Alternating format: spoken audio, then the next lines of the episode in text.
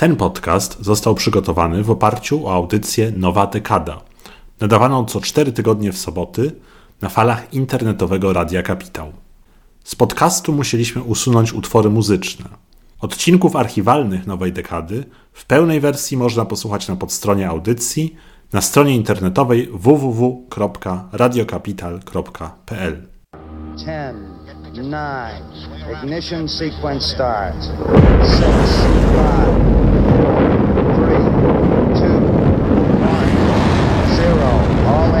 and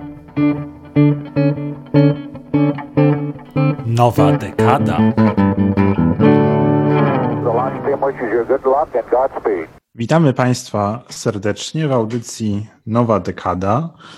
Jest sobota, godzina 15 i jak co cztery tygodnie spotykamy się w gronie czterech, filozof, czterech filozofów, którzy, jak to filozofowie, dzielą każdy włos na czworo. Więc chciałbym najpierw, żebyśmy się wszyscy przywitali. Ja się nazywam Michał Dobrzański. Piotr Stankiewicz, bardzo miło, witam Państwa. Piotr Rosu, dzień dobry Państwu. I Marcin Koziej, dzień dobry. Cześć panowie. Dobrze, więc dzisiaj mamy tytuł naszej audycji Dramat 30-latka. Nie wiem, czy Państwo wiedzą, każda z naszych audycji ma takiego swojego właściciela, każdy z tematów. I dzisiaj tym właścicielem jest Marcin, więc Marcinie chciałbym Cię poprosić na początku, żebyś nam wytłumaczył, o co chodzi z tym dramatem 30-latka. Dramat 30-latka, no może się odnosić do jakiegoś kryzysu wieku, może się odnosić do pewnej kondycji ludzkiej. No ale takie pytanie chciałem wytoczyć. Jesteśmy w nowej dekadzie i nie wiem, może macie albo może nie macie czasami poczucie, że świat, jaki jest przed wami, może nie stoi tak za otworem, albo może rzeczy, które można robić, nie mają żadnej wartości, albo na przykład ich wartość jest bardzo relatywna w obliczu wielkich katastrof, które się zbliżają. W każdym razie jakiś rodzaj ciężaru, ale też braku konkretnej drogi. No i pytanie jest właśnie, czy to jest temat, który można, który można skanalizować tylko w ramach jakiejś własnej terapii i go rozważać jako coś, co ma znamiona pewnej psychicznej dyspozycji, której może dałoby się dopomóc i sformatować się, aby być takim zadowolonym obywatelem. No a może nie, no może jest to jakiś temat, który, który może by ująć Właśnie trochę nie, bardziej ogólnie.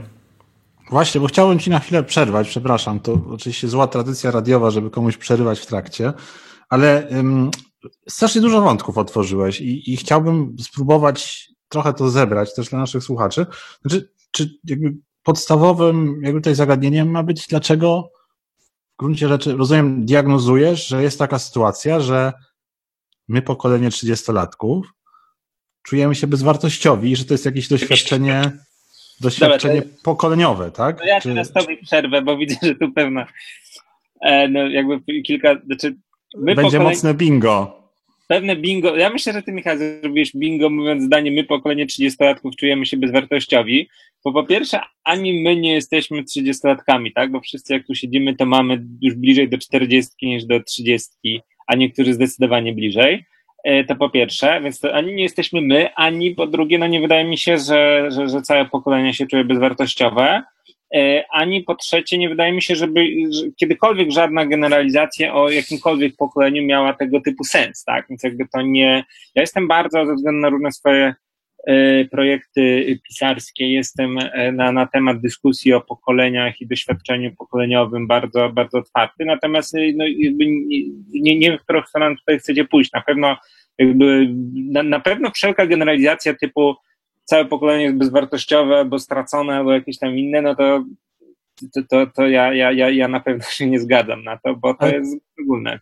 To chyba miało być, znaczy nie wiem, Marcin zaraz powie, bo ja próbowałem tak naprawdę tylko dobrą średniowieczną metodą po prostu sparafrazować krótko to, co Marcin powiedział długo, ale ja rozumiem, że mam tutaj do czynienia raczej z jakimś takim rodzajem diagnozy, że powszechnie występującym fenomenem jest, że ludzie z naszego pokolenia, jak słusznie zauważasz, czyli nie 30 lat. Dobra, no to teraz od razu Więcej. trzeba kolejny się czują, ale daj mi skończyć, że czują się, że ludzie czują się bardzo często bezwartościowi, że tu jest jakiś problem, tak? Chodzi o poczucie, nie chodzi o stwierdzenie faktu, że to jest bezwartościowe pokolenie, tylko że poczucie braku własnej wartości jest jakimś takim częstym, często występującym zjawiskiem. Może Marcin się jakoś ustosunkuje, bo tak mu weszliśmy Wiesz, no, trochę. właśnie, właśnie to jest, y, to jest rzeczywiście trudne do ujęcia, tak? No bo można tutaj po prostu wyjść y, na, na głupka i to jest chyba też y, pytanie o z jednej strony przykłady takiego prywatnego doświadczenia, które może, może, może temu dać na przykład taką formę. Em, Chodziłem do szkoły, chodziłem na studia, całe życie w, na, nacechowane wartością było, było jakieś tam na przykład zdobywanie pewnej dobrej rynkowej pozycji, żeby mieć dobry zawód. No ale nie siedzę tylko w tej, w tej, tej pracy, oczywiście mam też jakieś hobby, coś co lubię, daje mi pewną radość. No ale gdzieś tam czasem sobie zadaję pytanie, kurczę, ale jaką to ma wartość w pewnym większym wymiarze? I nie da się na to pytanie odpowiedzieć. Z jednej strony można powiedzieć, to jest jedno z wydarzeń i oczywiście nie możemy tu powiedzieć e, nic o całym pokoleniu, a z drugiej strony może się okazać, że, że może więcej ludzi jakoś się może podpiąć do, do tego rodzaju doświadczenia. E, Pytanie, czy tutaj jest jakieś coś ponad tą samotnością e, takiego poczucia i czy ma to jakiś związek z, z sytuacją e, jakiegoś tego kontekstu, w którym żyjemy akurat teraz. Nie mamy wojny, powinniśmy być szczęśliwi teoretycznie, tak? Nasze życie jest, e, nasze życie jest jakby rozłożyło się w tej takiej wręcz wzrostowej atmosferze w Polsce przynajmniej. E, No i trudno tutaj niby obiektywnie narzekać, a z drugiej strony jest jakiś rodzaj oderwania, tak?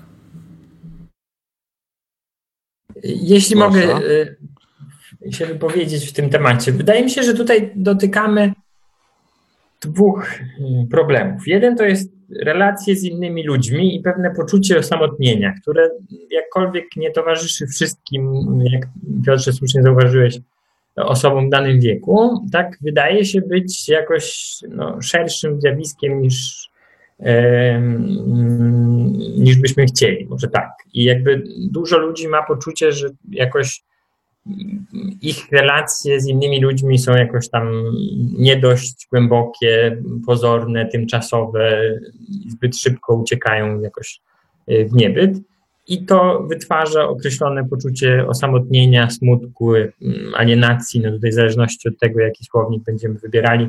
No ale chodzi o pewne, pewną tymczasowość relacji z, z innymi ludźmi i, i pewne problemy, które się z tym wiążą. Myślę, że to jest jedna sprawa, którą bym tutaj na głębszym poziomie poszukiwał jako, jako źródło tego poczucia, o którym mówiłeś, Marcinie. A druga rzecz to jest ta em, tymczasowość, tym razem w relacji ze światem. Czyli okazuje się, że takie podejście turysty, który przemieszcza się z punktu do punktu, który jakby w każdym miejscu jest tylko na chwilę, ponieważ musi już biec do następnego, następnego przeżycia, następnej atrakcji, e, która na niego czeka. No, ma też poza swoją atrakcyjnością, poza zmiennością, która nas tutaj oszałamia, ma też uboczny skutek, że właśnie trudniej wypracować jakieś takie poczucie ciągłości, które to poczucie ciągłości mogłoby następnie służyć do mm, poczucia budowania czegoś wartościowego w jakimś takim szerszym wymiarze niż, e, niż pewna tymczasowość. Więc ja bym jakoś od tej strony szukał pewnych źródeł tego, mm, może to za duże słowo rzeczywiście, no ale czegoś na kształt doświadczenia pokoleniowego dotyczącego jakoś e, takiego poczucia smutku, osamotnienia i właśnie owej bezwartościowości, o której wspomnieliśmy. Słuchajcie, bo ja mam trochę. Bo to jest oczywiście, Piotrze, to co mówisz, to jest już, myślę, dobre usystematyzowanie tej dyskusji. Natomiast ja widzę tutaj, wiecie, no, za, zapowiedziałem nas jego czterech filozofów, a mam trochę poczucie, że myśmy ciągle nie zdefiniowali w ogóle, o czym będziemy rozmawiać. Znaczy, nie ma na razie między nami nawet zgody, czy w ogóle jest doświadczenie pokoleniowe tego typu, to po pierwsze. A po drugie, nawet nie udało nam się ustalić. Piotr Stankiewicz zaczął tutaj już przecież zwracać na to uwagę i nie skończył. Y, nie udało nam się nawet ustalić, o jakim pokoleniu mówimy. Więc, y, więc wydaje mi się, że na razie troszeczkę jesteśmy zawieszeni w tej dyskusji. Może, może trzeba, no nie wiem, może, może trzeba tutaj się przyznać, że kiedy się urodziliśmy, więc Ja o jakim 37 pokoleniu mówimy. lat. O właśnie, ja Jakby jestem rocznik tak? 84 na przykład. To może, może, ja jestem, to, jeśli rocznikami, to jestem rocznik 8.3. Y, Wiem, że Marcin jest 8.3 też, ma, y, Tak, tak? że- No może każdy, A Piotr Osu jest 8.4, co wiem z kolei ja. Przepraszam, przepraszam Piotrze, że tutaj bez, bez twojej zgody nawet kiwnięciem głowy przekazuję krótko, publiczności. mówiąc krótko, jesteśmy urodzeni w pierwszej połowie lat 80., czyli teraz jesteśmy w, no jakby między 35 a gdzieś między 35 a 40. I jeszcze innymi słowy, jesteśmy, czyli znów jak to w nowej dekadzie, szalona dywer- dywersyfikacja, czterech facetów, idealnie, idealnie na sam rok urodzenia prawie. E, No jakby z punktu widzenia takiego szerszego, to jesteśmy przedstawicielami tego, tych eco-boomers, tak? To znaczy jesteśmy tym drugim e, wyżem powojennym, tak? Jesteśmy dziećmi tego wyżu, słynnego wyżu, wyżu boomerskiego, który się urodził w latach 40., 50. E, No i rocznik 83 to jest z tego, co pamiętam, jakby literalnie absolutny szczyt tych set tysięcy, e, set tysięcy urodzeń, tak? No więc to jeżeli chodzi o, y, o, o, o taką twardą biologię i statystykę, natomiast no, czy z tego coś wynika e, już dla jakby doświadczenia pokoleniowego i dla naszych trajektorii życiowych, no to już jest jakby temat na inną rozmowę, tak? No jakby tak samego Myślałem, że na tą właśnie. Ale... Nie, nie, przepraszam, że, tak, że to jest, to jest tak. Dobrze, Jakby- albo ja jeszcze muszę coś dorzucić koniecznie do, do, do, tej, do tej analizy, że tak powiem, y, dotyczącej y, tego pokolenia i skąd się wzięliśmy i, i, i w ogóle, bo właśnie jak, jak, jak zadumałem się nad tym tytułem, który wybraliśmy na naszej audycji, no to zdałem sobie sprawę, że y, no, taki prawdziwy trzydziestolatek, no to jest człowiek urodzony w 1990 roku, który, ym, jak sądzę, y, no jest, y, no, ma już dosyć fundamentalnie różne doświadczenia życio, życiowe w wielu, wielu wymiarach. To zresztą wraca do tego, co Piotrze powiedziałeś, że właśnie bardzo trudno jest generalnie mówić o pokoleniach, a szczególnie chyba te pokolenia wczesnej transformacji, gdzie wszystko się tak szybko działo, że ta rzeczywistość się bardzo mocno zmieniała, no to nie- niezwykle, niezwykle tutaj to jest, to jest istotne, tak? Czy, czy ktoś jest 8.3, czy ktoś jest 9.0, y, jeśli chodzi o rocznik. Y, No i jeszcze jak się nad tym zastanowiłem, to przyszło mi do głowy, że słuchajcie, no tak naprawdę my chyba jesteśmy um, ostatnim pokoleniem, które będzie pamiętać PRL, w sensie, że gdzieś tam w naszej świadomości będą jeszcze jakieś takie tak, ale to nikogo nie interesowało, bo z tamtych czasów. No. No to, tak, ale to nie nikogo interesowało, zwłaszcza, że my pamiętamy niewiele, natomiast wydaje mi się, że będziemy ostatnim pokoleniem, e, które pamięta świat przed internetem i to z punktu widzenia przyszłości będzie dużo ciekawsze.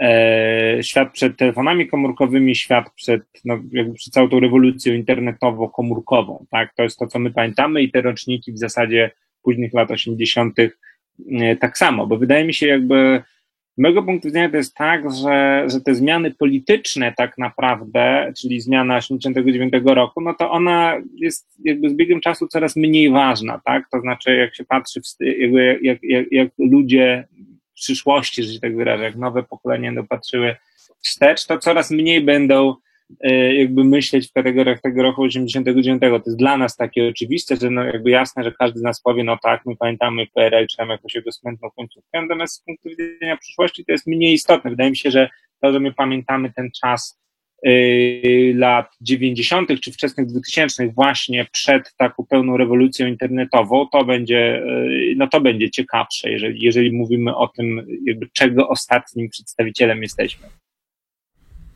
Ja bym powiedział, że e, chyba ja bym nie, nie wiem, czy szukał e, specyfiki pokolenia, tak? Znaczy, widzę, że się zgadzamy, że możemy mówić tylko za siebie i, i rzeczywiście rozrzut, e, rozrzutu nie mamy wielkiego, e, bo zaledwie 3 lata, taki przedział i jesteśmy wszyscy mężczyznami. Natomiast ja bym chciał Jak się... to 3? Rok. Rok. 8483 to jest rok. 8.5 nie było? Nie było. Okej, okay. no więc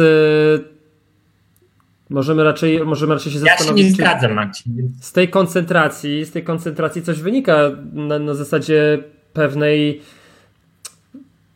mm, pewnej po, poznawczej perspektywy wobec wartości. I to, to gdzie, gdzieś tam moje myślenie idzie, to, to raczej takie zadanie pytania, no dobrze, skąd, wiesz, robimy różne rzeczy, robimy y, rzeczy mniej ciekawe, bardziej ciekawe, no ale właśnie, pytanie, skąd, skąd weźmie wartość tego, czy to, co jest akurat dla nas ciekawe, to czy to jest rzeczywiście warte, czy to, co jest nudne, jest mniej warte, może jest warte z innego powodu, może jest warte to, co nam przynosi pieniądze, a może jest warte to, co daje komuś innemu coś. No, też w kontekście tego, tego kontaktu czy relacji z drugim człowiekiem, o, o którym ty, Piotrze Rosole, yy, powiedziałeś wcześniej, no, pytanie jest, co ja daję drugiemu człowiekowi, jaką wartość wnoszę dla drugiego człowieka. I, i o ile mogę sobie pomyśleć na przykład o jakichś takich bardzo y, mocnych i samooczywistych y, wartościach, na przykład jeżeli kimś się opiekuję,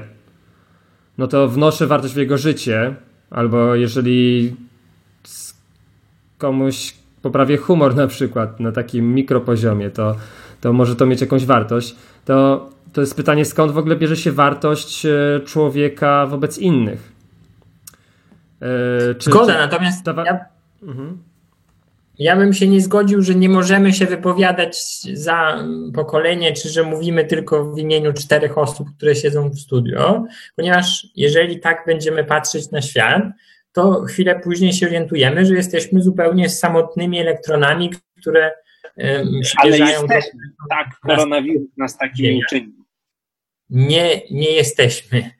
E, jakby no, nie da się funkcjonować, czy jakby przyjęcie za dobrą monetę tego, że możemy mówić tylko we własnym imieniu, no, jest częścią problemu doświadczenia tego pokolenia, ponieważ w rezultacie no, tracimy połączenia z innymi osobami, tak? Czy jakby nie jesteśmy w stanie się komunikować, jeżeli do końca dociągnąć tę myśl o tym, że każdy z nas jest tylko indywidualną jednostką, która ma własne doświadczenie, nieprzekładalne na doświadczenia innych jednostek. No tak, i że nie ma, halo, halo, nie ma jeszcze na dodatek no, żadnej wspólnej stawki, która by pewnie była też czymś, co nadaje wartość, że mamy coś jest dla nas wszystkich ważnego, o coś wspólnie walczymy, jakaś strata, która kogoś boli, mnie również boli i, i tak dalej. Tak. No właśnie, bo to chyba polega, znaczy, no oczywiście w pewnym sensie każdy mówi za siebie, ale po prostu y, możemy przypuszczać, że więcej osób, szczególnie z tych roczników, które podaliśmy, będzie w stanie się jakoś odnaleźć w tym, co mówimy i, y, i, i taka tutaj jest y, nasza rola. No dobrze, ale słuchajcie, bo mamy chyba w tej chwili taką sytuację, że no w jakiejś mierze udało nam się zdefiniować mniej więcej, co mamy na myśli przez 30-latka, tak? I może zanim przejdziemy do drugiej części, czyli na czym polega ten jego dramat, to jest czas na pierwszą piosenkę. Nie wiem, co myślicie. Możemy puścić. To w takim razie to może elektryczne gitary, żeby tak wspomnieć te dawne czasy.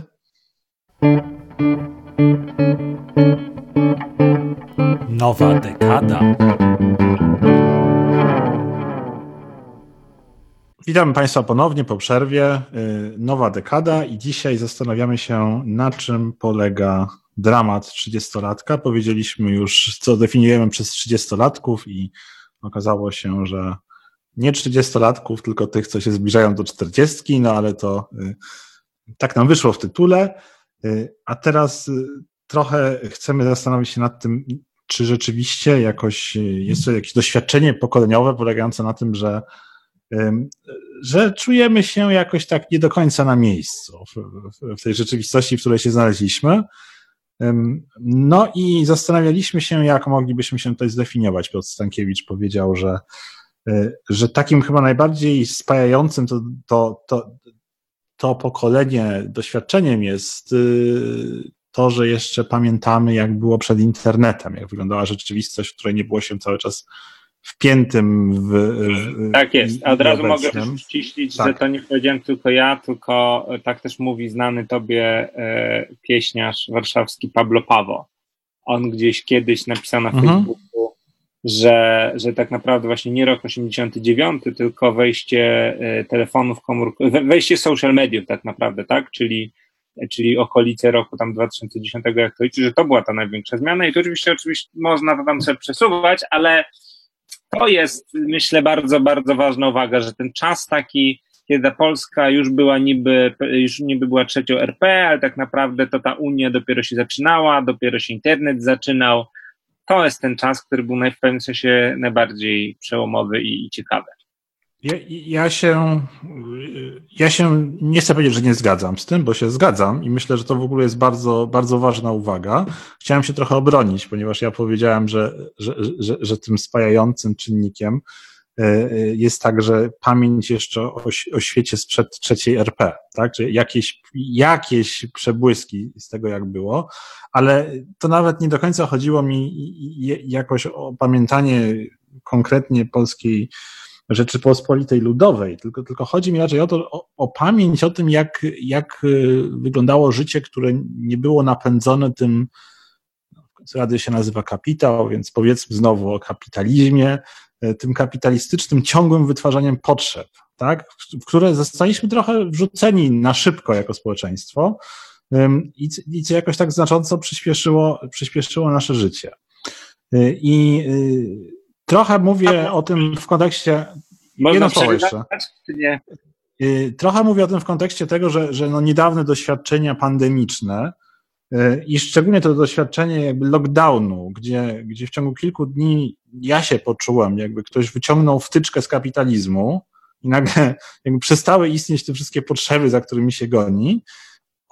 W jakiś paradoksalny sposób przypomnia, przypomniało mi, y, przypomniało mi, to było na chwilę, Piotr się nie zgadza, ale to zaraz będziesz mówił, ale mnie to w jakiś paradoksalny sposób na chwilę przypomniało właśnie czasy wczesnych lat 90.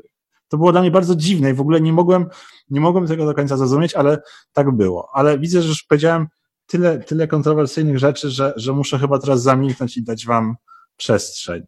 Znaczy, ja, ja, ja się tak bardzo nie zgadzam, że tylko krótko, żeby nie przeciągać. Po pierwsze, no, y, jako osoba, która ma dziecko pod opieką, y, informuję, że od doświadczenia osób, które mają dzieci pod opieką, to nie jest tak, że nagle wszystko spowolniło i, i, i że kapitalizm zniknął i że to jakby ab- absolutne antypody tego, co powiedziałeś, jeżeli chodzi o koronawirusa, co znów nie jest tylko osobistą sprawą, tylko też tym, że tu bardzo dużo zależy od punktu widzenia. I to się przenosi do mojej drugiej uwagi, bo ja w dwóch punktach tak gwałtownie w pierwszej sprawie. cofać. Yy, Michale, znaczy pamiętajmy o tym, że w latach 90., czy przed kapitalizmem, no to my byliśmy jeszcze małymi dziećmi, które sobie ba- bawiły się patykami, czy tam grały sobie w gry na komputerze, a nie byliśmy, nie byliśmy dorosłymi ludźmi w średnim wieku, tak jak teraz, a to fundamentalnie zmienia to doświadczenie, tak? Gdyby porozmawiać z naszymi rodzicami, no to oni mieliby zupełnie inny ogląd. Zwięźle, zwięźle powiedziałem. Dziękuję za te uwagi. Oczywiście przyjmuję z, z, dobrodziejstwem inwentarza, ale liczę w takim razie na kolejne. Ja, ja idę w sukurs się- Michałowi Dobrzońskiemu. To teraz na zasadzie negacji, negacji Dzieci. e, przyjmę, e, przyjmę pałeczkę. E, Piotrze, rzeczywiście e, dla osób, które opiekują się dziećmi, wyobrażam sobie, że to doświadczenie jest inne, ale pytanie, czy nie dlatego właśnie, że opieka nad dziećmi jest jednak strefą em, spoza kapitalizmu e, jakoś, jeszcze nie do końca przerobioną e, na system, system tworzenia, konsumowania wartości, jakiejś takiej e, rządów efektywności i dla, mówi się, że teraz wielu mężczyzn, ojców właściwie, pierwszy raz stanęło wobec sytuacji, w której właśnie ich dni są wypełnione w dużo większej części niż przywykli, właśnie taką pracą opiekuńczą, czy właściwie tworzeniem pewnej wartości, która nie jest wartością rynkową, ale właśnie jest inną wartością. I tutaj mo, mógłbym nawet zaryzykować tezę, że, że może ta wartość, która em, wynika, którą niesie ze sobą właśnie opieka, czy, czy edukowanie kogoś, kto, kto rośnie, kto się uczy nowych rzeczy, kto poznaje świat, że, że to jest ta wartość, która, z którą trudno dyskutować, że to ma wartość, tak? Że, że to jest coś, co w tym, w tym dramacie 30-latka akurat byłoby pewnie jakąś, jakimś światełkiem, tak? Jakimś czymś, co nie może być zakwestionowane, że to, to jest wartość, że ty yy, opiekujesz się swoim dzieckiem w takiej sytuacji. Natomiast jeżeli chodzi o tych ludzi, Nie którzy... masz dzieci, więc dla ciebie jest światełkiem.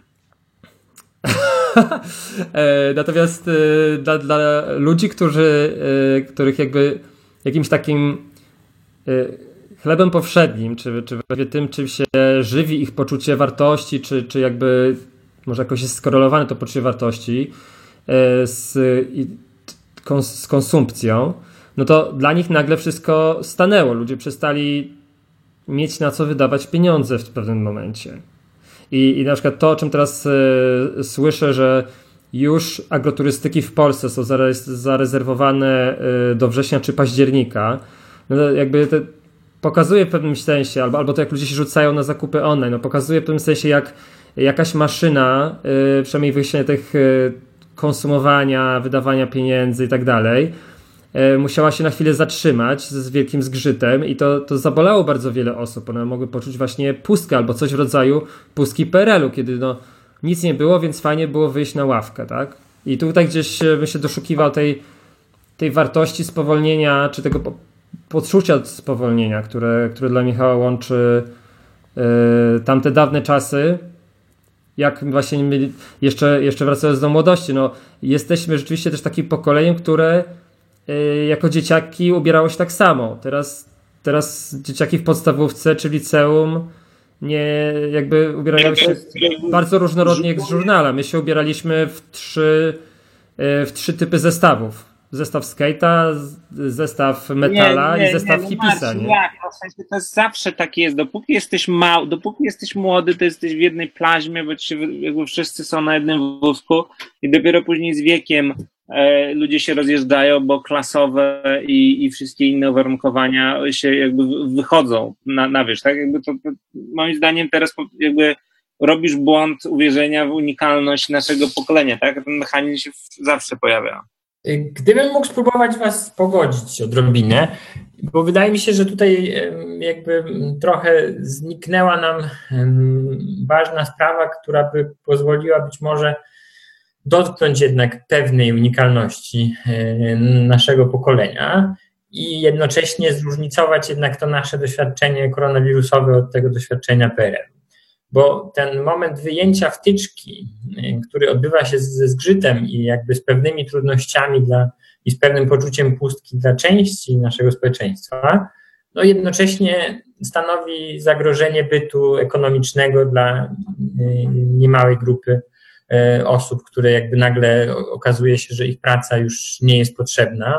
I to jakby jest związane z zupełnie innym doświadczeniem niż to ten moment, kiedy ta wtyczka jest wyłączona dla wszystkich od dłuższego czasu i stanowi jakby część mm, całego funkcjonowania społeczeństwa. I to, co się dzieje teraz w Stanach Zjednoczonych, gdzie nagle się okazuje, że miliony ludzi tracą pracę, bo okazuje się, że, że w momencie właśnie zatrzymania tego kołowrotu potrzeb y, ich, ym, ich stanowiska pracy nie są nagle potrzebne, to jest zupełnie co innego niż moment, kiedy wychodzimy sobie na ławkę e, spokojnie, dlatego że jakby całe mm, społeczeństwo funkcjonuje w innym tempie, całe społeczeństwo funkcjonuje w kontekście innych, innych potrzeb.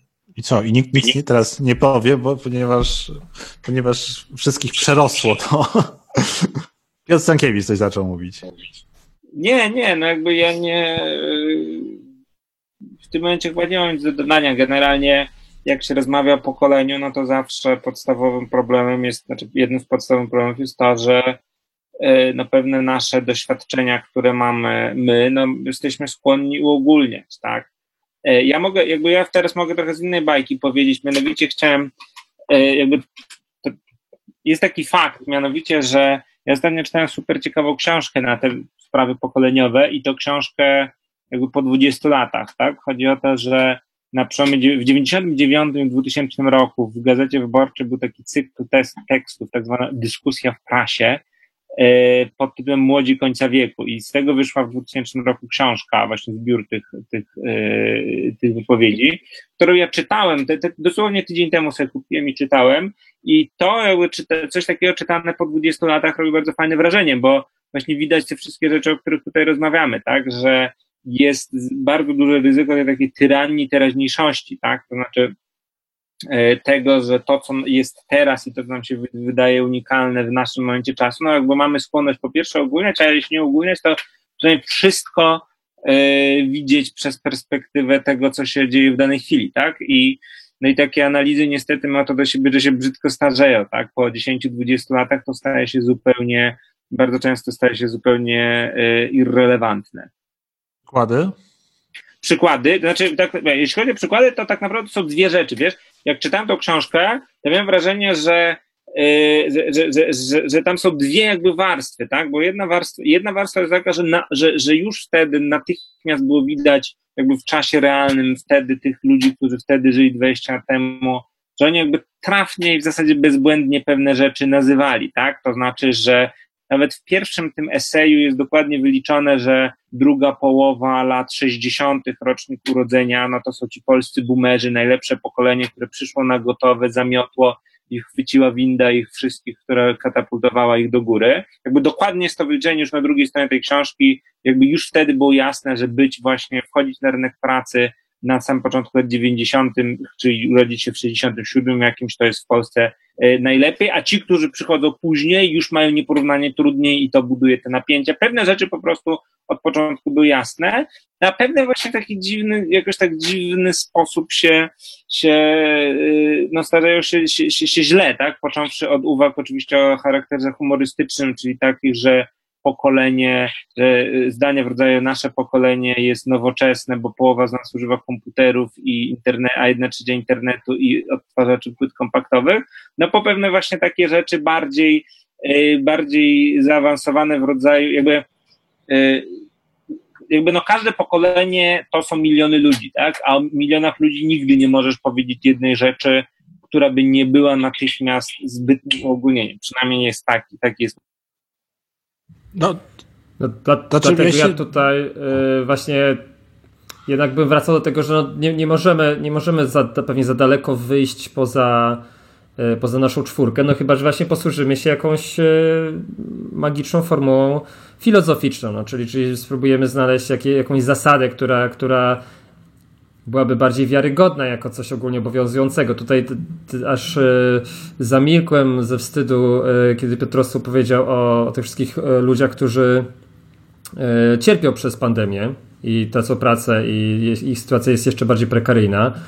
To jest oczywiste, że tak jest. I, i tutaj myślę, że żaden z nas aż takiej sytuacji nie jest, dlatego też trudno nam, nam w to iść, jeżeli chodzi o próbę ujęcia tego od strony właśnie jakiejś takiej zasady wartościowania, no to tu przychodzi mi na myśl y, książka Dawida Grebera, te Praca bez sensu, czy, czy dużo lepiej brzmiące Bullshit Jobs, y, gdzie się stawia pytanie, no jakim jesteśmy społeczeństwem, kiedy wartościowe, przynoszące światu jakąś zmianę zajęcia, często właśnie związane z pracą opiekuńczą, też produkcją żywności, sprzątaniem, jakby dbaniem o, o przestrzeń, o miejsca, jest tak, tak mało doceniona i tak słabo płatna w porównaniu do pewnych sztucznie, yy, sztucznie, no nie, może nie powiem sztucznie, bo to jest nacechowane, ale pewnych za, zawodów, co do których ludzie wykonujący je uważają, że nie mają żadnego sensu albo wręcz są szkodliwe. I gdyby Y, tych zawodów nie było, to byłoby lepiej na świecie. No to tutaj na pewno pandemia pokazuje, że y, żyjemy w świecie y, jakichś takich no, klasowym po prostu, w którym doświadczenia są całkowicie inne i też te wartości, system wartości takiego życia jest inny. I też one są inaczej wartościowane. I to rzeczywiście jest coś diametralnie odróżnionego od PRL-u, gdzie właśnie może powiedzieć, że całe społeczeństwo jakoś bardziej homogenicznie tkwiło mm, w pewnym stanie. Piotr Rosu. Myślę, że to jest dobry moment na drugą piosenkę i tą piosenkę Tilawu jest super, którą będziemy mogli skomentować i jakoś nawiązać do tej wypowiedzi Marcina sprzed przerwy. zgadzam, bo ja też chciałem proponować, żeby była piosenka.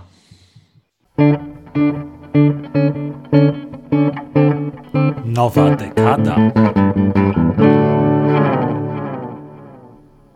No dobrze, to jesteśmy po piosence i ym, wydaje mi się, że Piotrosu obiecał nam przed piosenką, że nam teraz ją zinterpretuje i to w taki sposób, że włoży tutaj w naszą dyskusję jakiś porządek. Także jesteśmy no, z dużym oczekiwaniem. Będę się starał, y, bo wydaje mi się, że tutaj będziemy mm, troszeczkę właśnie oscylowani między tym mm, optymizmem dotyczącym tego, że wszystko jest wspaniale, ponieważ postęp idzie do przodu, ponieważ y, właśnie jest mniej chorób, y, jest wspaniale, wszystko się rozwija i różne inne tego rodzaju rzeczy. I, I, w związku z tym powstaje takie oczekiwanie, że my też jako jednostki mamy właśnie mm, dorastać do tego ideału, tego, że wszystko jest super. Tak? I jakby właśnie mamy sami mieć to przekonanie o tym, że tworzymy e, szczęśliwe rodziny, szczęśliwe związki, mamy dobrą pracę i niejako ta poprzeczka dotycząca tego, jak mamy żyć, jest postawiona dosyć wysoko i jest to może w Polsce nie jest to jeszcze tak widoczne, czy w Polsce jeszcze istnieje pewne kulturowe przyzwolenie na narzekanie, natomiast no, te wzorce amerykańskie tutaj nie pozostają bez wpływu, gdzie jakby ta pierwsza odpowiedź na, na pytanie, jak się masz, jest taka, że, że mam się dobrze, że wszystko jest świetnie i mam przyjmować taką maskę, tak jak w tej piosence, że wszystko jest, jest super. I to byłby jakby jeden problem, który, jak sądzę, później no, utrudnia też zdanie sobie sprawy, co jest nie tak, no bo skoro ja muszę cały czas przyjmować maskę, że wszystko jest w porządku, no to jak mam sobie zdać sprawę, że jednak pewne rzeczy w moim życiu nie, nie, nie działają? I to byłaby jakby jedna refleksja związana z piosenką bezpośrednio. A druga sprawa, o której myślałem w kontekście tego, co mówił Marcin i, i Piotrek, to jest to, że w momencie, kiedy odmawiamy sobie prawa mówienia w imieniu kogokolwiek innego niż my sami, jakby podkreślamy e, bezustannie, że jesteśmy e, tylko mm, jednostką z określonym numerem PESEL, która w imieniu tej jednostki z określonym numerem PESEL może mm, mówić, no to pozbawiamy się tych różnych słów które, i pojęć, które by nas łączyły z innymi ludźmi, którzy, które by tworzyły takie poczucie, że nie jesteśmy mm, samotni również w tym sensie, że nie mamy prawa wypowiadać się za kogokolwiek innego. W momencie, kiedy rozmawiamy o słowach i rozmawiamy o pojęciach, które jakoś określają nas, jakiś nas, a nie tylko jakieś ja, to już sam ten moment jest momentem wchodzenia w interakcję z jakby świadomości naszych związków z innymi, z innymi ludźmi. I mam wrażenie, że jakby jeżeli będziemy się tego cały czas pozbawiać, no to to będzie potęgowało to poczucie osamotnienia, o którym sobie rozmawialiśmy na początku. No to ja się oczywiście nie zgadzam. E, ale nie wiem, czy nie muszę też, w sensie, myślę, myślę, że wiele osób tu się nie zgadza. Znaczy, nie zgadzam się i nie muszę też podawać argumentów, bo... Nie, no chodzi mi o to, że to są różne rzeczy, tak? Znaczy ja oczywiście nie mówię, znaczy przede wszystkim ja jako pisarz, no oczywiście e, no, mówię, że, że znaczy, no ja jako pisarz oczywiście zawsze się wypowiadam w imieniu szerszych ilości ludzi niż, jedna, niż jednoosobowy podbiór mój, no bo na tym trochę polega praca pisarza, tak, że jak się, że się jest takim trochę yy, no, odbiornikiem czy soczewką rzeczy, które krążą, tak. Co chyba każdego humanisty tak się wtrąpię, wtrącę w ogóle, że, że to no, chyba po prostu tak to, jest. Tak, to ma zawsze... swoje dobre... Tak, chyba tak jest yy, i jakby na tym, to, znaczy, no, generalnie trochę tak. E, natomiast no, ja, ja, ja, po prostu zalecam daleko idącą skromność, w tym sensie, że robienie mocnych generalizacji w rodzaju, no bo nasze pokolenie to jest takie a takie, no to jest zawsze fałsz, tak? Znaczy to jest jakby no zawsze, zawsze jest to zbyt daleko idące. E, I jakby nie mówię, że teraz, że któryś z nas to robi, tak? Chodzi mi o pewną, chodzi mi o pewną zasadę, tak? Że, że, że, jakby no to zawsze jest Y, po prostu bardzo, bardzo złudne i bardzo takie kruche. Y, I też często po prostu przykrywa e, no, przykrywa inne sprawy, tak? No, jak jest teraz ta dyskusja w ostatnich kilku, czy przed COVID-em była intensywnie ta dyskusja o boomerach kontra milenialsach, jakby jednym z ciekawszych kontrgłosów do tego było, że to jest spór klasowy raczej, a nie pokoleniowy, tak? I nazywanie go w kategoriach pokoleniowych, no jakby przykrywa tylko e, jego realną treść. E, więc to jest jedna. Druga sprawa, no oczywiście to jest tak, że w momencie, jak, jak, jak powiemy jakąś taką daleko idącą generalizację w rodzaju nasze pokolenie to jest takie a takie, że nie czujemy wartości życia, albo że nie mamy nic do powiedzenia, albo że interesują nas tylko samochody marki Jaguar, żeby jeszcze raz przywołać tamtą książkę, no to jakby to bynajmniej nie zmniejsza, nie zmniejsza żadnej samotności, no bo tak czy siak olbrzymią większość z tego wykluczamy, to większość, która się w tej akurat etykietce nie mieści. No ale to ja tutaj muszę krótko się wciąć i chyba, chyba jeśli, jeśli wszystko dobrze zrozumiałem, to tym razem stanę po stronie Piotra Rosoła. I yy, no oczywiście powinno się być skromnym, no bo trochę jesteśmy, wszyscy jesteśmy humanistami, tak, więc, więc trochę to tak jest, że te humanistyczne takie właśnie rozmowy czy dywagacje, one zawsze są jakimś takiego rodzaju uproszczeniem, zawsze y, jakąś ekstrapolacją na większe zbiory ludzi, w związku z tym zawsze jest jakieś zagrożenie w nich takim paternalistycznym wmawianiem komuś czegoś, więc trzeba oczywiście być skromnym i jest jakby ten ten wymiar rzeczywistości wszelkich tego typu dyskusji, takiej jak, jak ta, którą dzisiaj próbujemy przeprowadzić. No ale z drugiej strony przecież jest też tak, że właśnie często nazwanie takie właśnie bezczelne trochę powiedzenie, że coś jest doświadczeniem danego pokolenia, jeżeli to będzie trafione, i nie wiem, co to by miało znaczyć, że to jest trafione, tak? Czy to jest materialnie prawda, czy to, czy to jest po prostu dobry slogan, potrafi mieć też właśnie jakąś taką konstytuującą moc dla, dla ludzi, którzy dotychczas nie widzieli siebie jako pewnego, czy swoich doświadczeń jako pewnego rodzaju doświadczenia zbiorowego, a właśnie dzięki temu, że zostało to dobrze nazwane, nagle to poczują. I, i przecież tutaj, o tym mówię, że jesteś pisarzem, przecież na przykład, no nie wiem, piosenki potrafią coś takiego zrobić, że ktoś coś zaśpiewa, prawda, i, i nagle wszyscy się w tym odnajdą i, i będą mieli wrażenie, że to jest jakieś pokoleniowe doświadczenie, w którym, w którym się właśnie znaleźli. Także, także właśnie trochę się zgadzam z tą skromnością, ale z drugiej strony widzę też ten wymiar, że, że właśnie czasami taka bezczelność, jeśli dobrze trafiona, jest, ma też jakiś taki duży walor, więc może nie trzeba się tego tak bać wcale. Może właśnie trzeba to robi, znaczy trzeba sobie czasami pozwalać z przypisem oczywiście, że mogę się mylić, no bo, no bo zawsze się mogę mylić, ale, ale moją rolą jest spróbować zasuflować tutaj jakieś, jakieś pojęcie, czy jakąś nazwę, która pozwoli się jakoś... No tak, jeżeli, znaczy ja, ja jestem trochę się w stanie zgodzić, tak, znaczy zawsze jeżeli, jeżeli pisarz czy humanista chce jakoś tego typu diagnozę rzucić, no to na zawsze jest taka trochę na wyrost, zawsze, bezczelność to jest dobre słowo tutaj, tak, zawsze E, to, to, to jest dobre określenie.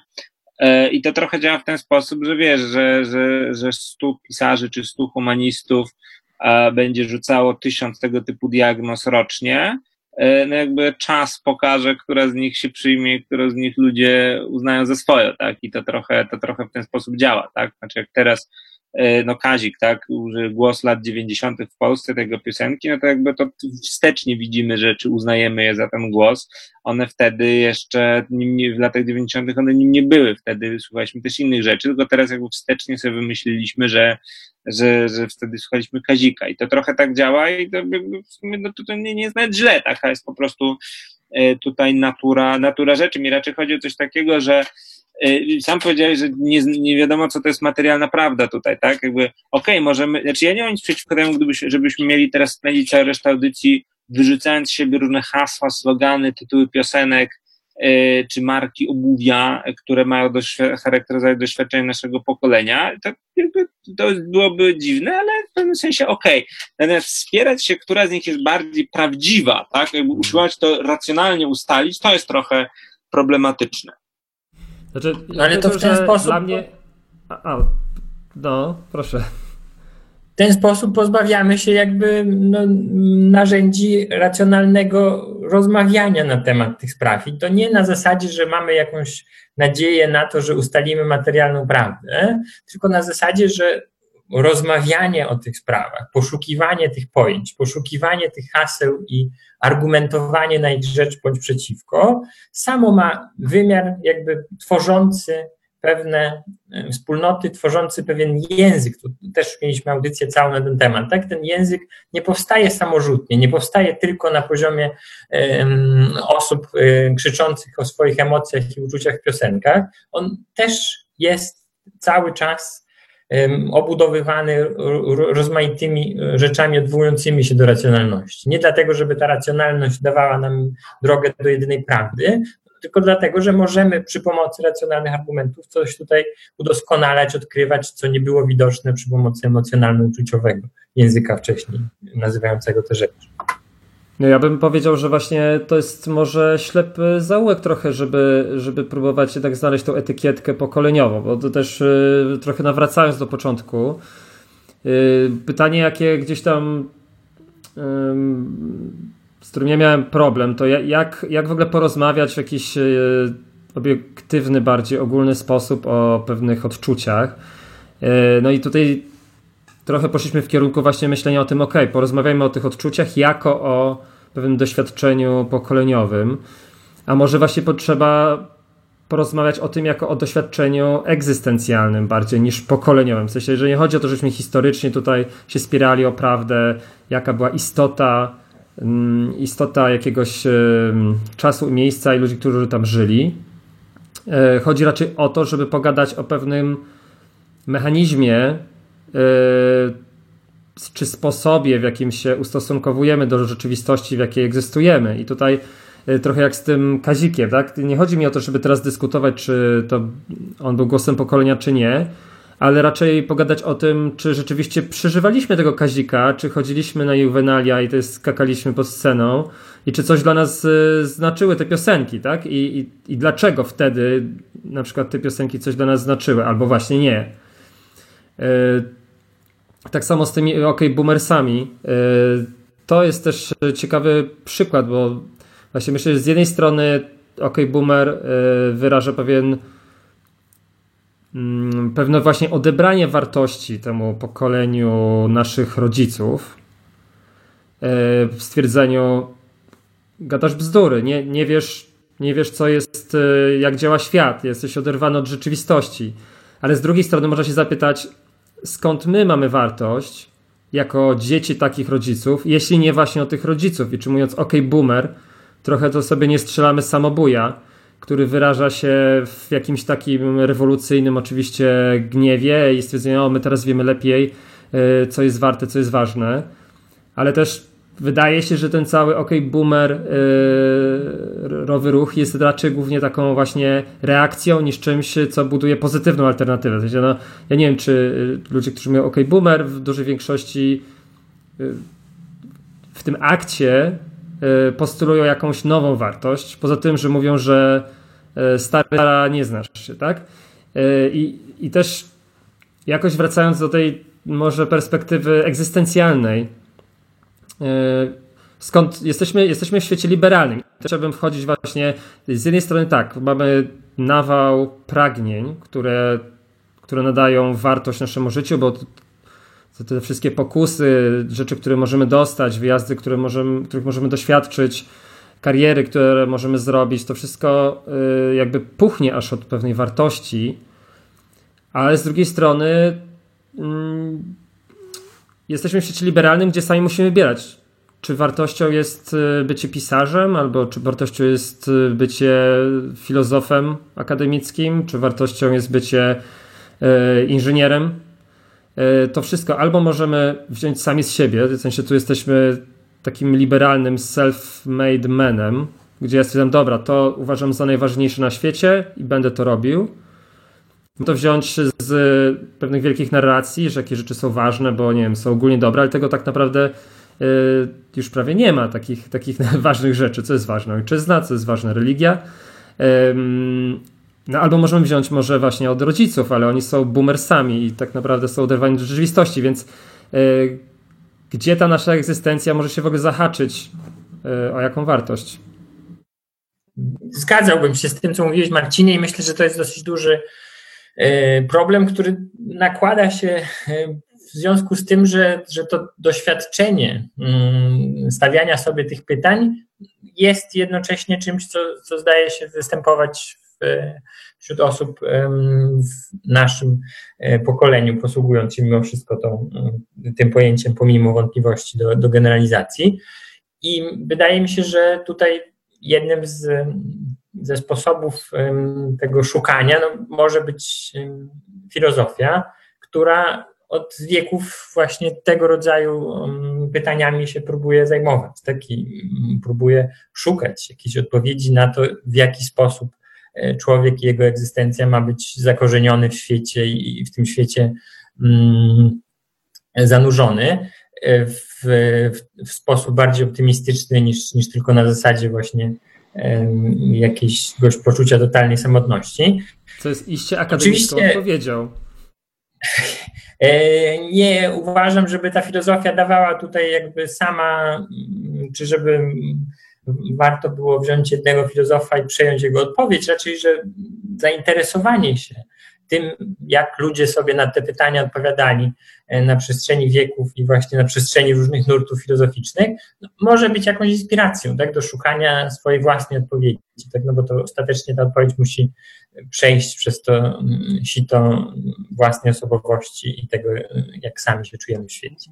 Młodszym słuchaczom przypominamy, że już w czerwcu są rekrutacje na kierunki filozoficzne w całej Polsce, także jakby ktoś chciał to poszukać odpowiedzi, to, to oczywiście można. My tutaj jesteśmy filozofami, więc zachęcamy, aczkolwiek ja muszę uchylić rąbek tajemnicy, że z tym znajdowaniem odpowiedzi, czego świadectwem jest chyba nasza dzisiejsza dyskusja, to bywa gorzej niż z szukaniem, tak? Także, także, ale y, słuchajcie, chyba jest czas na kolejną piosenkę, jeśli się nie mylę. Y, no i padło tutaj już y, imię pewnego artysty wielokrotnie przez Was przytoczonego jako nawet jeśli projektując to wstecz, to jednak głos pokolenia lat 90. Mamy przygotowaną piosenkę, która, jak sądzę, no nie wiem, ja akurat byłem na juwenaliach i skakałem, jak ta piosenka była śpiewana, a śmieszną opowieścią jest to, że nazajutrz jeszcze w gazecie jakiejś warszawskiej się ukazała informacja, że kult jak zwykle w deszczu na juwenaliach, ale deszcz nie padał. Także, także możemy teraz chyba puścić tę piosenkę, tym bardziej, że ostatnio puszczanie jej potrafi, no nie puszczanie tej piosenki, ale tego artysty potrafi rodzić kontrowersje.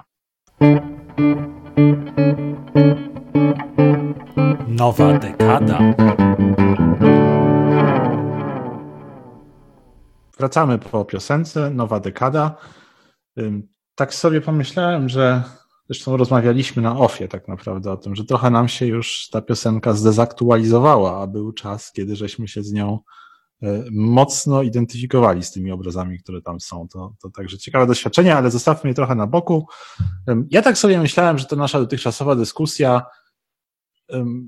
być może tak naprawdę popełniliśmy pewien, pewien błąd. Mianowicie chcieliśmy porozmawiać o pewnym doświadczeniu naszego pokolenia, a tak naprawdę wyszła nam bardziej dyskusja o doświadczeniu, o doświadczeniu pewnego wieku w życiu człowieka, po prostu, że, że to jest ten czas. I Piotr Stankiewicz o tym mówił, że wejście w dorosłość y, i wzięcie na siebie tych wszystkich dorosłych Y, obowiązków i tak dalej, że, że, że tak naprawdę to, to o tym rozmawiamy i to nie jest nic specyficznie dotyczącego roczników wczesnych lat 80., tylko jest czymś po prostu wynikającym z, z pewnego momentu w życiu, tak? I w związku z tym y, może fundujemy, fundujemy trochę naszym słuchaczom jakąś taką dyskusję o tym, że, że to jest, narzekamy, jak to ciężko jest być dorosłym, po prostu, tak? Więc y, no nie wiem, co myślicie? Czy, czy, czy, czy po prostu wpakowaliśmy się na,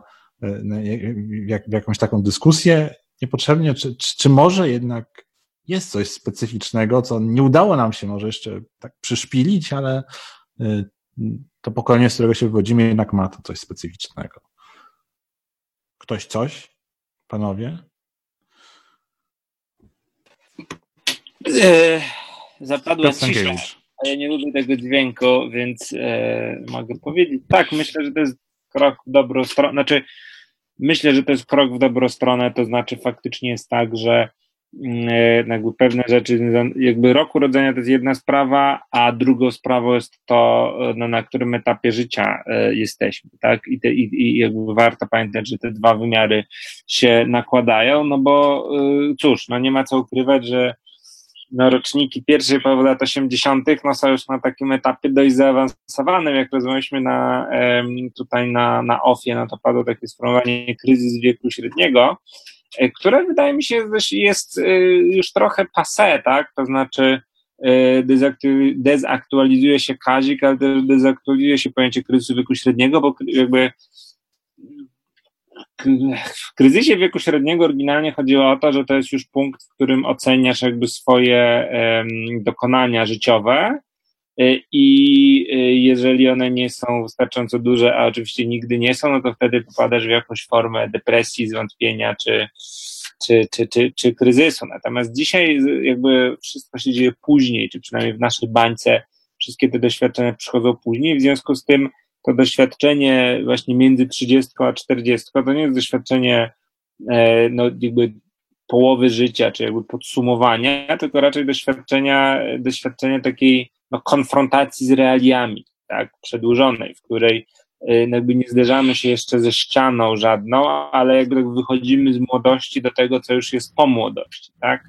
E, O, I to na pewno Tutaj właśnie y, dobrze, Tak, y, dobrze powiedziałeś ocenienia swojego właśnie jakiegoś tam dorobku czy życia. Teraz przyszło mi do głowy, czy ten czas właśnie kiedykolwiek w ogóle do nas przyjdzie. W sensie, czy to przedłużone wchodzenie i i jakieś przedłużone zderzanie się y, nie będzie jak w dniu świra po prostu budzić nas co rano i że nie będzie Znaczy, ja takiego myślę, że- momentu, kiedy może, że Ja można myślę, że podsumować. przys- Ja, znaczy, słuchaj, nie to jest będzie trochę tak, kryteriów. Moim, moim zdaniem to jest trochę tak, że, że jak masz 20 lat, to, to myślisz, że, ma, że mam 40, już podsumowujesz, oceniasz i masz poczucie, że jesteś w połowie drogi. Natomiast no, jak masz 37, e, czy ty masz 36, tak, no to cały czas masz poczucie, że jest jeszcze dużo przed tobą, nie masz jeszcze wrażenia, że się wspiąłeś na, e, na szczyt tej górki, tak.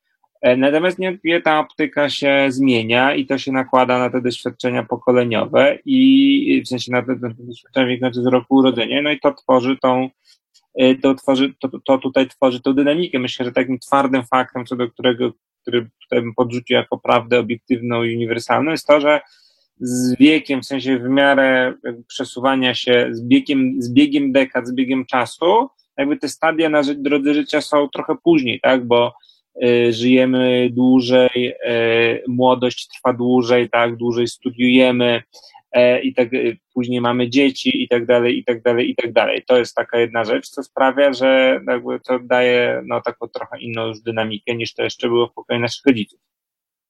Ale myślę, że to jest kluczowe, że to jest później, ale później w sposób zróżnicowany i trudniej tym sposobem mówić o, czy właśnie trudniej dokonywać tych ogólnień, o których rozmawialiśmy wcześniej, trudniej mówić o doświadczeniach pokoleniowych, ponieważ rozjechały nam się też te sposoby życia, tak? I jakby to, że ktoś ma 25 lat czy 35, to w momencie, kiedy te stadia życia były jaśniej określone, tak? miały jasne ramy tego, że jest pewna młodość, y, kończy się studia, zaczyna się pracę. Mm, Ta praca nie będzie aż tak zmienna, jak to ma miejsce teraz, i zaczynamy się wiązać z określonym y, miejscem tej pracy, mamy trwalsze relacje rodzinne, wcześniej mamy dzieci, no to więcej jest tych elementów, które pozwalają na jakieś takie ramowanie, mówiąc nieładnie, nieładną kalką z angielskiego, czyli jakby takie nadawanie określonych kategorii temu, kim jestem, w jakim miejscu swojego życia i w jakim miejscu świata się znajduję.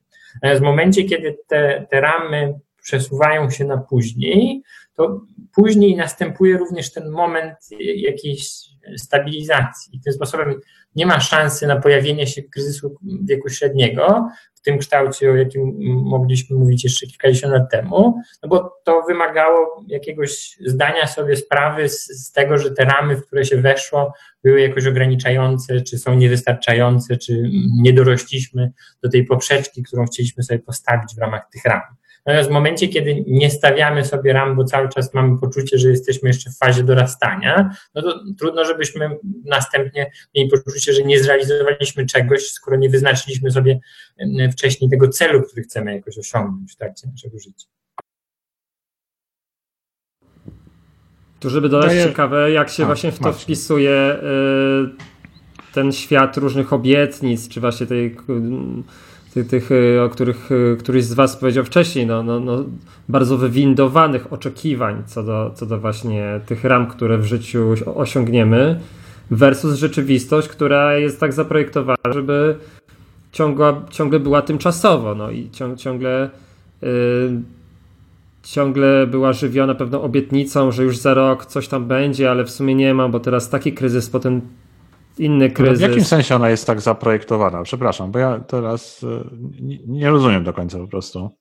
Że następuje pewna karuzela Ja potrzeb. zgodzę, jest- ponieważ ja się zawsze nie zgadzam z Piotrem Rosołem i jakby za- zawsze jest napina, to tym razem jakby podbiję, że się, że się zgadzam, że to jest bardzo trafnie powiedziane, że faktycznie jest tak, że no, jest ta płynna nowoczesność, czy ponowoczesność nawet, wszystko dużo bardziej pływa i jakby nie ma się według czego oceniać, tak? Znaczy, jeżeli 30 lat temu ktoś był 30-letnią kobietą bez dzieci i mężem, to był absolutno, to była osoba przegrana, stara panna, no, która jakby no, już miała przerąbane, tak?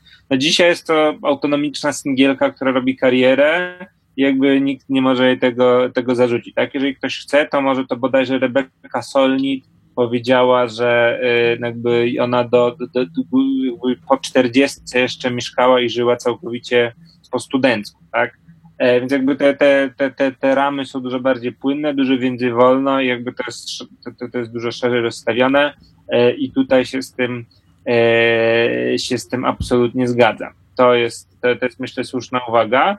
Natomiast Marcin, no te kapitalistyczno-neoliberalne wizje, no, no jakby można, to możesz to w dwie strony ciągnąć. To może zarówno tę sytuację tego rozmiękczenia, roz, rozwłóczenia może zarówno pogłębiać, tak, że, że jeżeli masz pieniądze, to możesz sobie w dowolny, i ta kariera, czy życie zawodowe ci wychodzi, no to możesz sobie, wiesz, to życie prowadzić dowolną stronę dowolnie długo, na ile ci starczy zdrowia i tychże pieniędzy.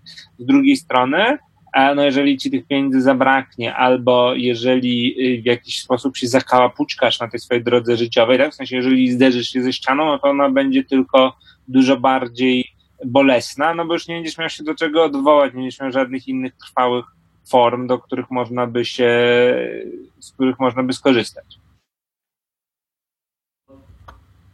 Raczej chodzi mi o to, jak rozwija, jak są rozbuchane może oczekiwania. Też tak pomyślałem, znowu nie, nie jestem rodzicem, więc to może muszę spytać cię o jakąś e, afirmację albo negację tego, co zaraz powiem, ale powiedzmy, że e, stworzysz tę ramę e, w Ja swoim udzielam życiu jakiejś... afirmacji, Już in blanco bardziej- temu, co mówisz. Nie, po- poczekaj, poczekaj, aż skończę. E, Że stwo- dodasz jakąś ramę właśnie, która, która umacnia twoją pozycję w życiu, założysz rodzinę i masz dziecko, tak?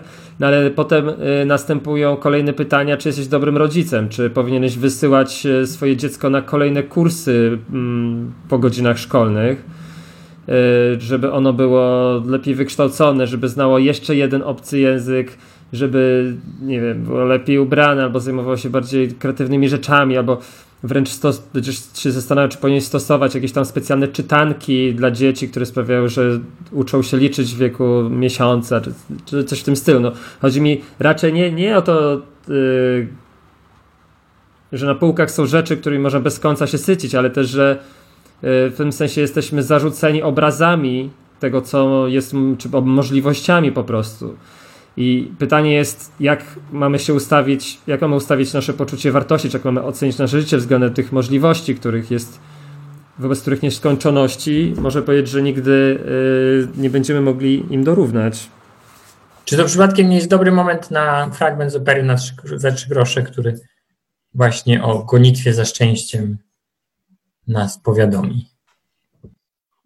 Chyba jeszcze chwilę możemy porozmawiać, nie? Bo myślę, że jeszcze jedna tylko piosenka nam wejdzie, to może jeszcze chwilę. Tym bardziej, że ja bym się ym, chętnie y, odniósł do tego, bo, bo słuchajcie, no bo powiedzieliśmy teraz w tym wejściu, że, że może to jest, ym, że może to jest y, tak, że po prostu rozmawiamy tutaj o kryzysie pewnego wieku człowieczego, a nie, a nie jakiegoś pokolenia, ale teraz wydaje mi się, że weszliśmy właśnie bardziej w rejestr taki, że, że zaczęliśmy mówić o czymś, co jednak jest jakimś takim definiującym doświadczeniem, y, którego chyba nie można przypisać każdemu pokoleniu. No i to jest właśnie to doświadczenie bycia w ciągłym takim dylemacie nadmiaru opcji, z których trzeba wybierać. Tak, że to jest coś, co rzeczywiście jest doświadczeniem. Nie chcę No tak, powiedzieć, że tylko tych najbardziej doświadczenia późniejszego, pokolenia późniejszego. To jest w ogóle doświadczenie życia no, współczesnego, może to, tak, może to trzeba, definiuje lat 80, roczników. Tak, zgoda, zgoda, ale no jest to jednak coś definiującego, co daje jakąś wspólnotę doświadczenia, że, że możemy sobie tutaj o czymś porozmawiać, że wszyscy od pewnego rocznika czujemy się bardzo mocno rzuceni w taką sytuację i jakby z naszego wcześniejszego życia, bo go nie mieliśmy, nie wynieśliśmy jakichś ram, które bylibyśmy w stanie włożyć po prostu z przyzwyczajenia chociażby, tak? Marcin. A może, może taka teza. Y, Czytałem, czytałem raport o generacji Z, czyli tej generacji już y, y, urodzonej w To latach jest, ostatnia, 90.. ostatnia, to jest ostatnia generacja już. Ostatnia, ostatnia generacja, litery. potem będzie trzeba myśleć nowe litery.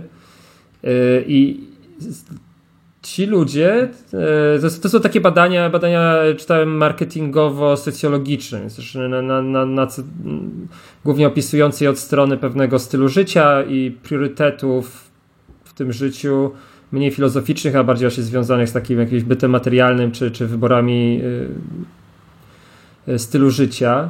No właśnie to, co było ciekawe, to że to są często ludzie, którzy nie buntują się. Jakby dla nich właśnie ten system nie jest czymś, wobec czego mają się buntować. I też e, było to tak tłumaczone, że też ich rodzice są ludźmi, wobec którego oni się nie buntują, bo po prostu są to fajni rodzice. I że oni bardzo dobrze e, radzą sobie w tych realiach właśnie zmienności, w których trzeba dążyć do różnych nowych osiągnięć i tak dalej są ponoć bardzo e, bardziej niż przynajmniej poprzednie generacje nastawieni na pieniądze, na to, żeby zrobić karierę i żeby też e, ciężko pracować na to, tak? To jest dla nich, e, ja mam raczej postawę wobec na przykład pewnych sentymentów, może powiedzieć bardziej lewicowych. Oni mają taką postawę e, zamknij się i pracuj, no bez pracy nie ma kołaczy. Znaczy, no, I tak, tutaj, pytaliście, czekaj, tylko dokończę, poczekaj, cze- Piotrze. A nóż tym, tym naszym pokoleniowym momentem, to, że my z jednej strony yy, właśnie już się załapujemy na tę Polskę internetu, yy, na tę pracę zdaną po angielsku i na, na ten cały no, system, ale jedną nogą jeszcze jesteśmy w świecie yy, domofonów, i, i, i modemów i, i spotykania się na Dobra. ławce i też my jakby nie y, dla nas to jest y, mamy jakiś niesmak y, w, w tym całym materializmie, w tej ciężkiej Dobra. pracy w korporacji, którą y, cechujemy negatywnie, że to jest bez sensu i tak dalej. No może to jest to jest ta rzecz, że jesteśmy gdzieś tam takim trochę załomku po prostu. To tak. Powiem tak, pytaliście co, jak powiedziałem, że czytałem tą książkę z tymi dyskusjami o pokoleniu z młodzi końca wieku z 99 i pytaliście, jakie konkretnie rzeczy się zdezaktualizowały, no to na przykład takie rzeczy, co Marcin mówi respectfully, to jakby totalnie się dezaktualizuje, tak? W sensie w momencie, jak widzisz, że coś się nazywa pokoleniem, jest nazwa pokolenia Z, Y, K czy To są cokolwiek, badania z, z zeszłego roku. e, abort stage, to nie działa, to nie istnieje, to jest nieprawda, tak? Znaczy tutaj mo- moim zdaniem Ziemia jest płaska, ja nie wierzę w to, ile leży na żółwiu, szczepionki nie działają, nie wierzę w taką naukę, tak? To znaczy, jeżeli robienie badań na temat pokolenia Nie, to, są, Z, to są, poczekaj, to są po prostu Nie, badania jakościowe nie. na konkretnych grupach. No. wymutuję cię Przepraszam. zaraz, wymutuję, to jest nieprawda, to jest, to, to po prostu nie działa, tak? W sensie, w momencie, że jakby samo z perspektywy paru lat chociażby, jak ja czytałem tę książkę, to widać, że w momencie, jak e, jak, e, jak usiłujesz nadać nazwę jakiemuś pokoleniu, no to to brzmi śmiesznie, tak? Jakby pokolenie w tamtej książce jest mowa choćby o tam pokolenie dzieci przełomu i pokolenie, i pokolenie 2000 oczywiście, tak? I to są jakby pokolenia, które jakby z jakimiś tam przedziałami czasowymi wymyślone, to jakby natychmiast się dezaktualizuje, to jakby kompletnie nie niesie treści, tak? Znaczy ja się oczywiście śmieję, że nie wierzę w tą naukę, tak? Ale jakby przeciwko, ja jestem 100% przeciwny taki, właśnie cze- czemuś takiemu, tak? Że nazywa, dajesz jakąś arbitralną nazwę pokoleniu i usi- usiłujesz przypisywać do niego jakieś cechy, to moim zdaniem kompletnie nie działa i w ten sposób nigdzie nie dojdziemy. I na to są właśnie fajne przykłady, tak? Bo jakby nasz, jak się nazywa nasze pokolenie, tak? To jest, to jest, to jest w ogóle jakby zbliżam się do końca, może to jest fajny ten. No nasze pokolenie moim zdaniem miało przynajmniej y, trzy nazwy, tak? To znaczy w, w, na, według tej książki, którą czytałem, to ono się nazywało najpierw pokoleniem 2000. Te, przedziały tam trochę pływają, no ale pokolenie 2000 to była jedna nazwa, o której wszyscy zapomnieli. Później Że przypominam o Y2K? tym. E, Y2K tak, bug? dokładnie. E, Nie, nie, nie, nie Y2K. E, Pokolenie, później umarł Jan Paweł II, przecież było, że jest pokolenie Jana Pawła II, pokolenie JP2. Totalnie wszyscy byliśmy pokolenie JP2. Nie, to jest ale jakaś to jest- bzdura, no. To znaczy byliśmy pokoleniem na przykład jako Ale- X albo milenialsi, no. To jest jakoś takie... Oczywiście to są te klasyfikacje, które przycho- przychodzą do nas y, z, z amerykańskiego Po świata społecznego. JP2 No. staliśmy milenialsami, ale też jakby z, z dużą ilością roczników sąsiednich. Mówiąc krótko, tego typu klasyfikacje no, są kompletnie, no jawnie, jawnie nie wierzę kompletnie. E, I, i, I tyle, tak? W sensie właśnie i właśnie na tego typu analizy to byłbym bardzo, bardzo, bardzo ostrożny. Tak, ale jest, jeśli chodzi, tutaj Marcin się zgadza, w tamtej książce no jest o tym, że bug, mileni, bug milenijny, tak? E, Że, że, że ktoś tam przypu- pisząc jeszcze w 99 przypuszcza, a może właśnie załamanie systemu komputerowego, które nastąpi w wyniku pluskwy milenijnej, to będzie doświadczenie pokolenia. No właśnie to, to pokazuje, ile są warte tego typu, e, tego, tego, tego, tego, tego typu rozkminy, tak? A może COVID, no jakby... Słu- Słuchajcie, Myślę- przepraszam, przepraszam, ale ym, y, obiecaliśmy, wydaje mi się naszym słuchaczom jeszcze jedną piosenkę. Piosenka jest krótka, mało czasu, ale może jeszcze ją szybko puścimy, a potem już tylko podsumujemy. I- a ponieważ Piotr zaproponował, żebyśmy puścili piosenkę po niemiecku, to znowu takie piosenki nie są zbyt często grane, więc proponuję, żebyśmy jednak do, dokonali tego rytuału. Piosenka z opery za trzy grosze o tym, jak to wszyscy gonią za szczęściem, ale tego szczęścia dogonić się nie da. Nowa dekada. Proszę Państwa, nowa dekada. Musimy niestety już kończyć, więc spróbujemy tą naszą dyskusję o pokoleniach jakoś w okrągły sposób podsumować. I mnie się wydaje, trochę się pokłóciliśmy o to, czy, czy w ogóle można mówić o pokoleniach, czy nie, no ale już na te ostatnie pięć minut audycji może przyjmijmy, że, że będziemy to robić, nawet jeśli do końca się nie da. Wydaje mi się, że z naszej dyskusji um, trochę się wyłonił jakiś taki obraz. Zgodziliśmy się co do tego, że że to pokolenie, o którym chcieliśmy mówić, czyli to nasze, ym, jest y, jednym z tych, które właśnie mają ten, z jednej strony pozytywnie definiując to doświadczenie ciągłej konieczności wybierania z nieskończonej ilości opcji i w związku z tym problem ze stworzeniem pewnych ram, tak, to jest jakby ten pozytywny wymiar, a drugi, czyli z jednej strony żyjemy w świecie tych y, tych nieskończonych możliwości, ale z drugiej strony, żeby się odciąć od tego pokolenia Z, które zostało przywołane, zostało skrytykowane, ale żeby się odciąć od niego na chwilę, ale nie czujemy się dobrze z tą nieskończoną ilością możliwości. Jest, mamy z tym jakiś problem. Teraz pytanie jest do Was na koniec, czy możemy zgodzić się na taką definicję, czy też tutaj zaraz mnie skrytykujecie. To by chciał Marcin. Widzę, że ma włączony mikrofon, mikrofon bo działamy zdalnie. Marcinie. No, mi ciągle tutaj jeszcze brakuje tej perspektywy nadawania wartości, ale też y, jakoś tam podjęliśmy decyzję, żeby nie, nie, lecieć tak bardzo w ten filozoficzno-etyczny wymiar y, wartości. Tym bardziej, że mamy trzy minuty, Marcinie, także Więc y, no, ja chyba tylko mogę zagaić, że może któraś audycja z kolei o, będziemy rozmawiać o sensie albo sensie. O, to przypomnijmy tylko, że kolejna audycja będzie za cztery tygodnie, znowu w sobotę, znowu o 15. Także prosimy odliczyć cztery tygodnie w kalendarzach. To kto teraz by chciał zabrać głos?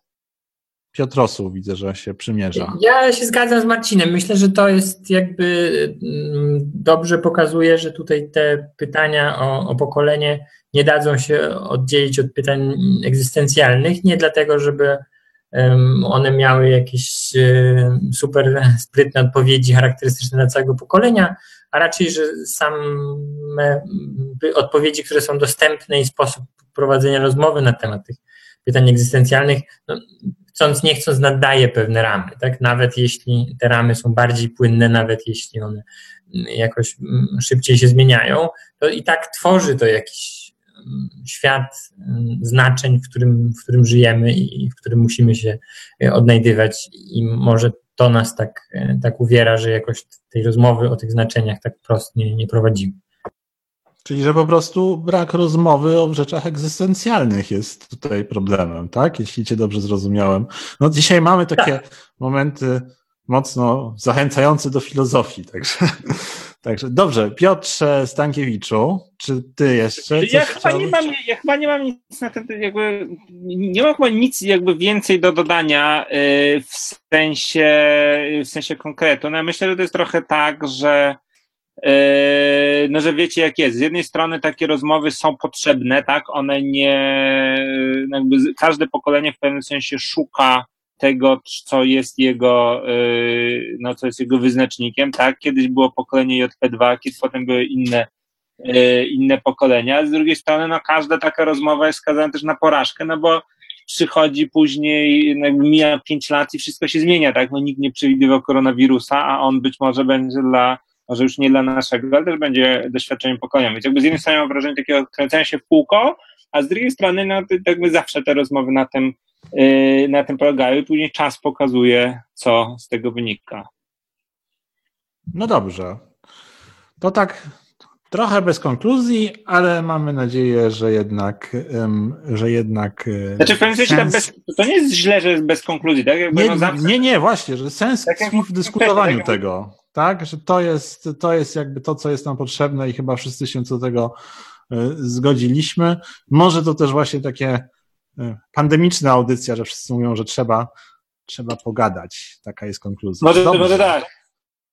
To w takim razie kończymy. Bardzo serdecznie Państwu dziękujemy za, em, za posłuchanie nas i zapraszamy za cztery tygodnie na kolejny odcinek nowej dekady. Dziękujemy, do usłyszenia. Do usłyszenia. 10, 9, ignition sequence starts. 6, 5, 3, 2, 1, 0. All engine running. Nowa dekada.